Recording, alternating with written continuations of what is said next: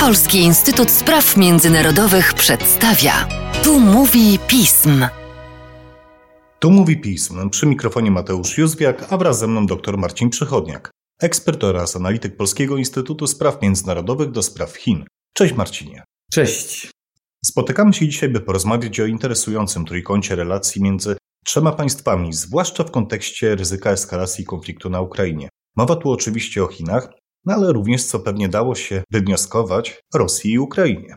Marcinie, zacznijmy od tego, jak kształtują się relacje chińsko-ukraińskie, zwłaszcza w perspektywie ostatnich tygodni. No, w dużym skrócie to można powiedzieć, że y, ambasada chińska w Kijowie pracuje bez zmian, jak głosił rzecznik Ministerstwa Spraw Zagranicznych Chin, że tutaj w żadnym wypadku nie ma żadnej, żadnej jak powiedziałem, żadnej zmiany, a dyplomaci pracują, i w domyśle, bo on tego akurat nie powiedział, e, nie planuje się żadnej ewakuacji, tak jak to część z państw e, europejskich nie tylko już zrobiła, a część pewnie się zastanawia.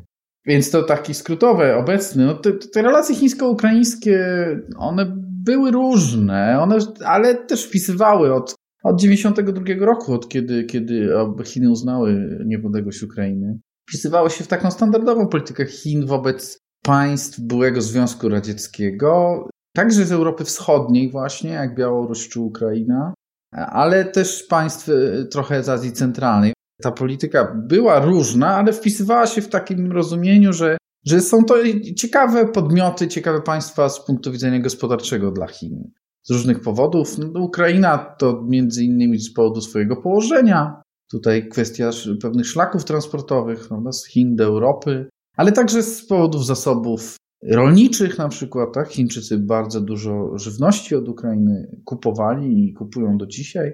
To jest zresztą problem e, szerszy, znaczy chińskich braków z żywnością i też prób pozyskiwania ziemi rolnej na świecie. Ukraina tu była ciekawym przypadkiem i jest do dzisiaj. To jest też Ukraina dla Chińczyków ciekawy element. Była ciekawszym elementem do momentu, kiedy Rosjanie nie chcieli Chińczykom sprzedawać uzbrojenia tego, zwłaszcza tego najlepszego, najbardziej wykwalifikowanego, najbardziej technologicznie zaawansowanego.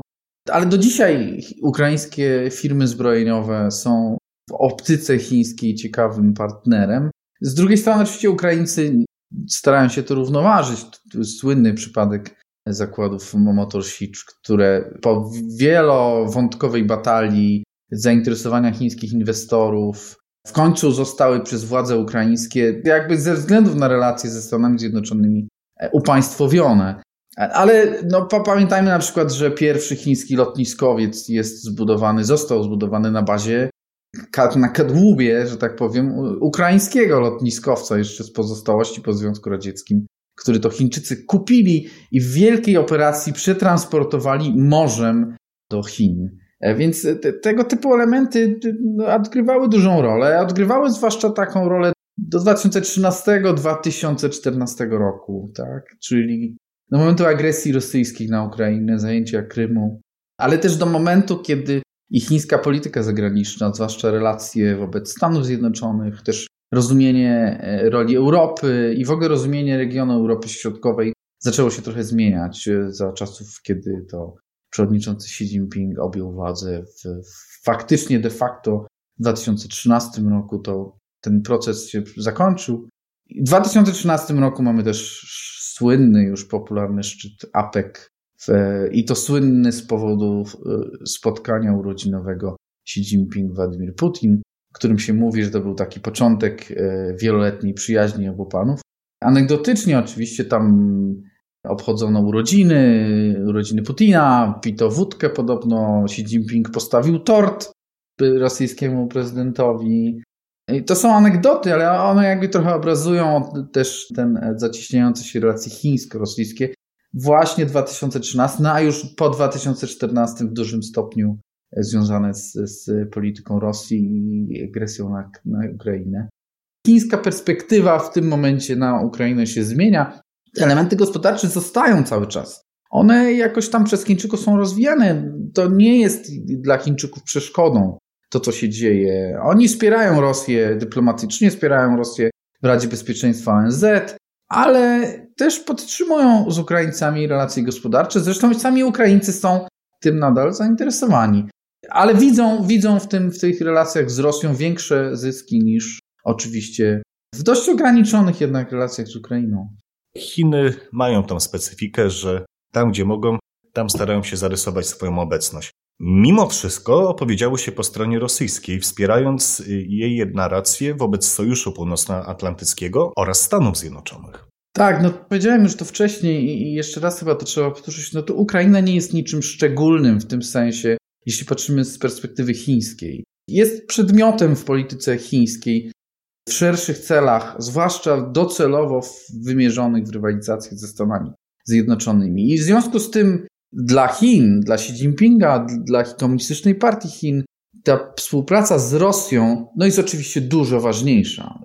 Ten asymetryczny sojusz z Rosją, którego y, dobitne potwierdzenie mieliśmy właśnie podczas wizyty Władimira Putina w Pekinie, ostatnim spotkania z Xi Jinpingiem.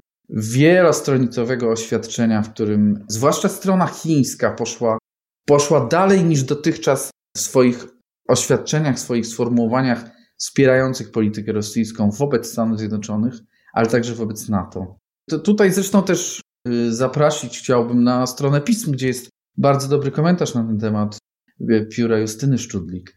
Rzeczywiście podkreślający tę unikatowość tego, tej, tego stanowiska chińskiego.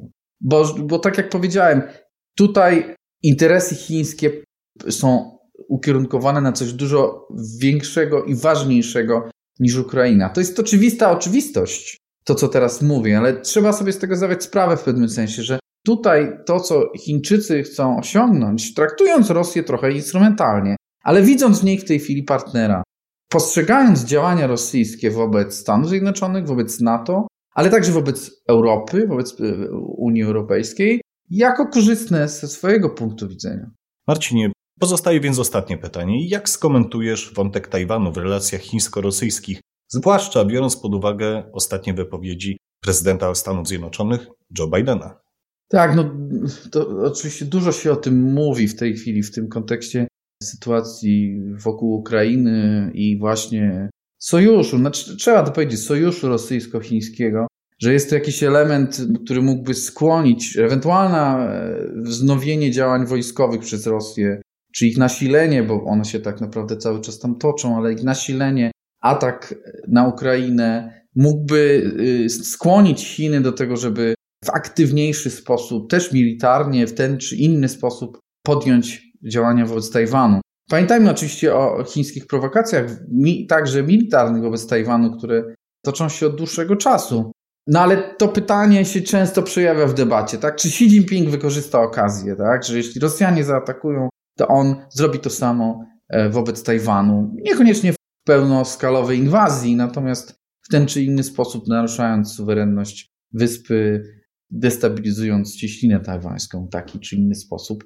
Ja myślę, że nie. Znaczy, myślę, że to nie jest takie proste połączenie, w którym mamy do czynienia z jakąś koordynacją działań i przemyślanym planem obu stron, w którym jedna robi jedno, a druga drugie na zasadzie porozumienia. Ja myślę, że ze strony Chińczyków ta akceptacja, o której powiedzieliśmy przed chwilą, dla rosyjskich stanowisk i planów, myślę także, no jest pewnym elementem testowania Stanów Zjednoczonych, tak?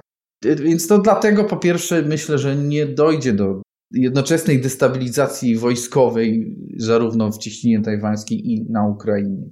To byłoby raz. Druga sprawa jest taka, no, że Chińczycy są bardzo zainteresowani i podsycają i jakby podkreślają ten sojusz z Rosją, ale oczywiście nie traktują Rosji jak równego partnera w tym sensie, więc oni by też nie chcieli, myślę sobie, władze chińskie, żeby, żeby ewentualne działania wobec Tajwanu postrzegane były jako uzależnione od rosyjskich działań na Ukrainie. Oni tego chcą, znaczy Xi Jinping też tego chce, tak? Zjednoczenia z Tajwanem w ten czy inny sposób, w tym czy innym terminie, to raczej na zasadzie samodzielnego działania, które e, jest inicjowane przez Chiny i jest potem docelowo zwycięstwem władz chińskich tylko i wyłącznie, tak? I nie zostało osiągnięte ze względu na pomoc rosyjską na przykład, tak? Tego typu retoryka myślę, że jest dla Chińczyków ważna i tego typu wizerunek byłby, byłby dla Chińczyków ważny. Więc to chyba jest Kolejny element, który powoduje, że nie będziemy tu mieli do czynienia z, z symetrycznym działaniem y, rosyjsko-chińskim. Następny to jednak jest ten szczególny rok, Tak? I to nie igrzyska olimpijskie, bo mówi się też wiele, że czas igrzysk to, że Chińczycy nie życzyliby sobie tego, y, żeby Rosjanie coś działali, ale że też czas igrzysk powodowałby, że Chińczycy sami nie podejmą żadnych ofensywnych działań, agresywnych działań. Ja myślę, że nie. Znaczy, myślę, że te igrzyska dostarczyły nam już tylu przykładów, że Chińczycy czują się bardzo pewnie i że elementy polityczne, czy właśnie nawet wojskowe, nie, dziejące się w trakcie igrzysk, są dla nich całkowicie dopuszczalne. Tak? Znaczy, to, co by się wydarzyło po tym, tak? też ewentualna właśnie destabilizacja sytuacji w trakcie igrzysk, nie wiem, wycofanie ekip związane z jakimś działaniem chińskim, myślę, że to dla Chińczyków nie miałoby większego znaczenia.